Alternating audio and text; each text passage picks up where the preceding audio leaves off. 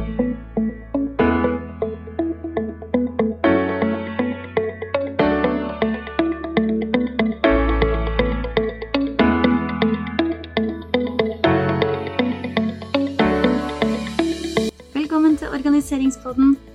navn er Janne Nessie Christiansen. Jeg er brennende opptatt av organisering og driver firmaet Smart organisering og design, hvor jeg hjelper andre med å få et ryddig og organisert hjem, sånn at de kan få frigjort mer tid til seg selv og til mer gøy i livet. I denne podkasten deler jeg tips og triks til rydding og organisering, og jeg vil gi deg inspirasjon og motivasjon til å komme i gang med dine ryddeprosjekter. For bildeinspirasjon og se hva jeg gjør i hverdagen, og litt fra oppdrag hjemme hos kunder, så er du hjertelig velkommen til å følge med på Instagram på kontoen at smart-organisering. Men du, la oss nå gå til dagens episode. Hjertelig velkommen tilbake til Organiseringspodden. Janne her. Først og fremst så vil jeg bare si tusen, tusen takk til alle dere som har sendt meg meldinger og tilbakemeldinger etter forrige episode.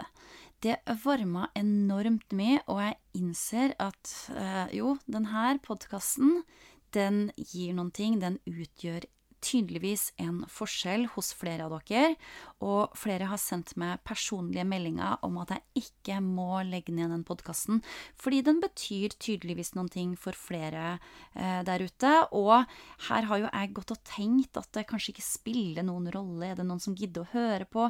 Eh, hva har det for noe betydning, rett og slett? Så her sitter jeg jo alene på kontoret og snakker ut i lufta. Men der kan du se hvor mye tilbakemeldinger til andre mennesker betyr. Alle trenger vi å bli sett på ulike måter og i forskjellig grad. Og som en oppfordring i dag vil jeg derfor at du da forteller minst to personer denne uka hva denne personen betyr for deg. Enten en fremmed, eller det kan også være da eh, bare kjæresten din eller mannen din eller kona di.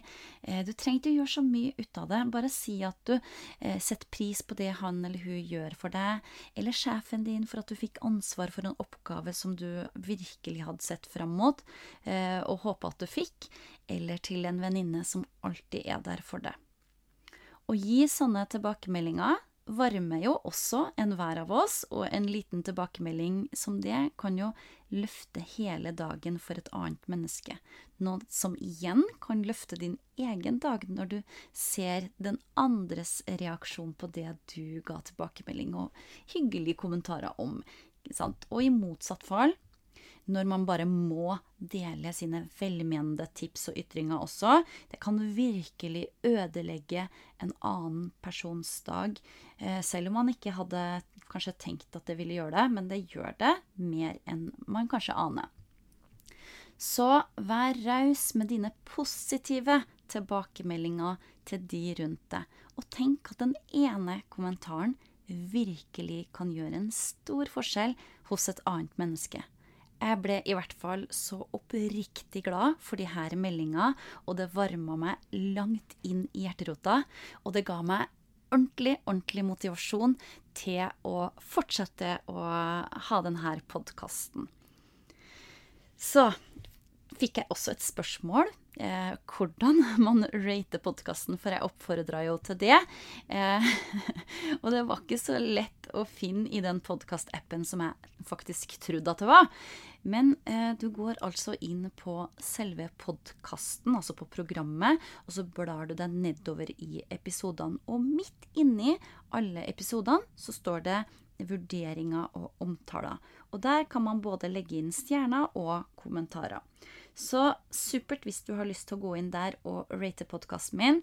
For jo høyere rating eh, jeg får, jo lettere når jeg fram til flere rundt omkring her som kanskje har behov for å få med seg de tipsene eh, her. For det er mange som ønsker litt ekstra hjelp og boost til å komme seg i gang med ryddinga og organiseringa. Så der vil jeg som sagt prøve å nå ut til så mange som mulig. Men la oss nå gå over til dagens tema. Her om dagen så stilte jeg et spørsmål om hva, eh, altså på Instagram om hva dere følgere ønsker å vite mer om, Og det kom inn ganske mange innspill, og det er supert, for da veit jeg hva du faktisk ønsker hjelp med, og hva du kunne tenke deg å høre litt mer om. Og noen av de tingene var da uh, for så vidt klassiske gjengangere, som flere syns er utfordrende, mens andre ting var helt ulikt noen av de andre utfordringene som uh, i det hele tatt kom inn. Og det er jo alltid litt spennende å høre uh, og se hva som rører seg der ute. men et av de innspillene som kom inn, som jeg hadde lyst til å snakke litt om i dag, det tror jeg veldig mange kan kjenne seg igjen i nemlig hvordan beholde gløden og motivasjonen når livet pauser prosessen. Se for deg at du endelig er i gang med den store ryddeprosessen din. Du har jobba hardt i flere dager, og kanskje brukt et par fridager, og føler at du virkelig er i siget. Denne gangen skal du virkelig klare det, men så, plutselig ut av det blå, så blir du syk, eller barna dine blir syke, ryggen svikter, eller det er andre ting som gjør at du blir satt helt ut av spill og må utsette all rydding og organisering for ei stund. Kanskje har du dratt ut x antall skap eller halve boden, og så må du avslutte midt i. Så hva gjør du da? Og hvordan skal du igjen komme deg opp på hesten og fortsette når neste mulighet byr seg? Det viktigste først. Barn og familiekrise først. Alt annet må bare ligge, og det skal du heller ikke ha dårlig samvittighet for.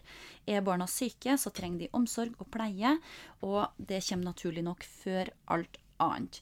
Rydding blir veldig lite viktig i sånne situasjoner.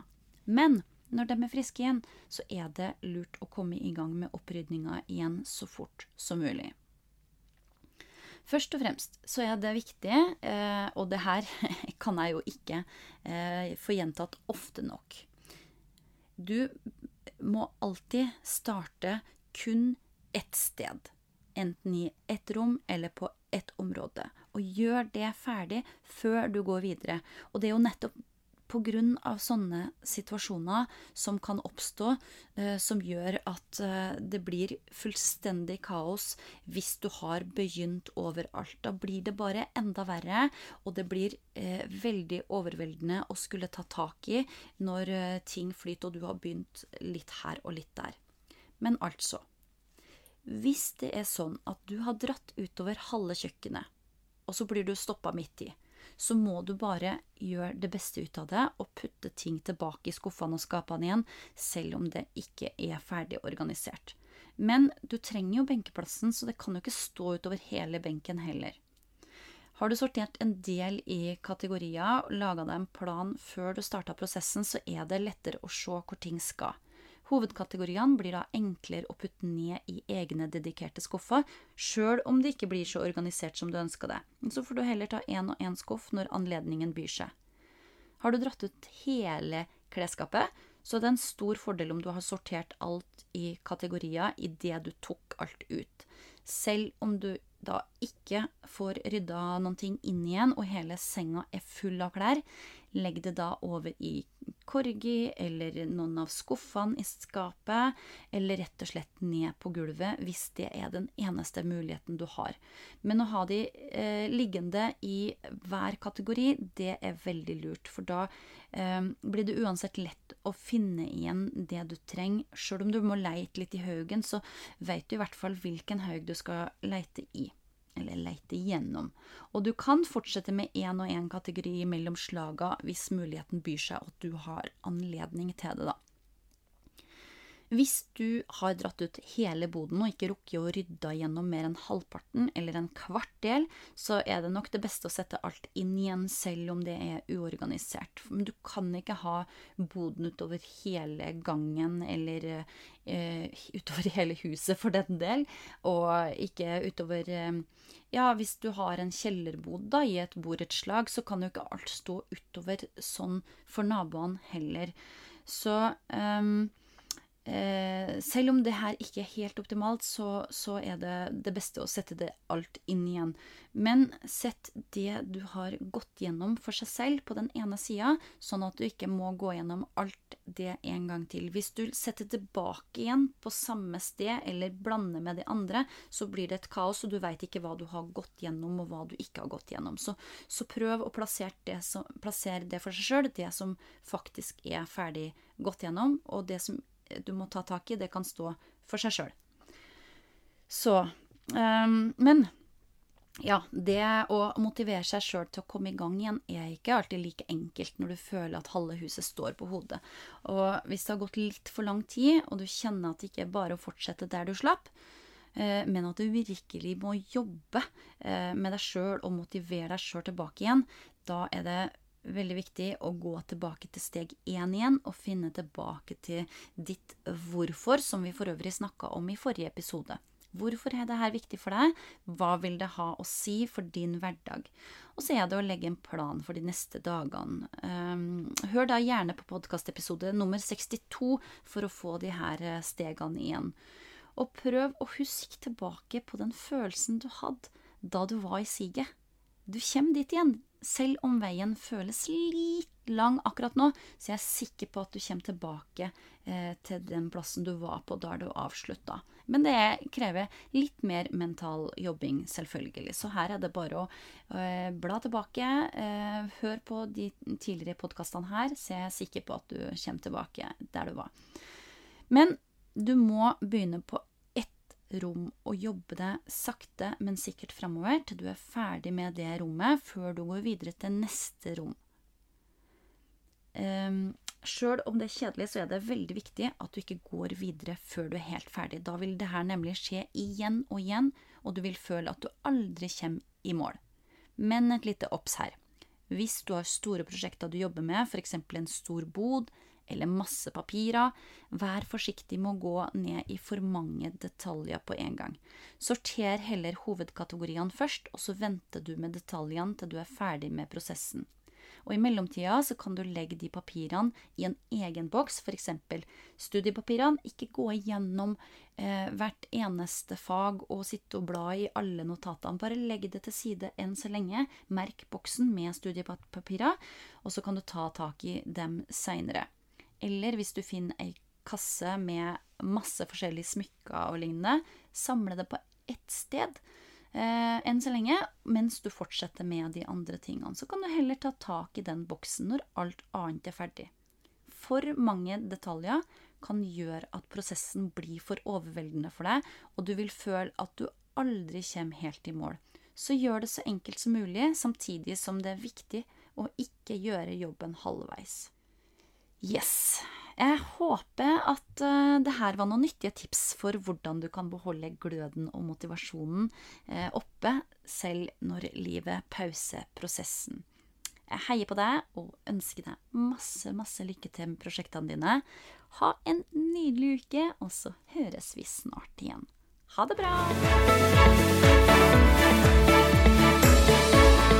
Jeg håper dagens episode var nyttig for deg. Hvis den var det, så ville jeg satt stor pris på din tilbakemelding ved å rate podkasten min. På den måten kan jeg også nå ut til enda flere som trenger det. Og du, husk å abonnere på kanalen, så får du med deg når det kommer ut en ny episode igjen. Vi høres!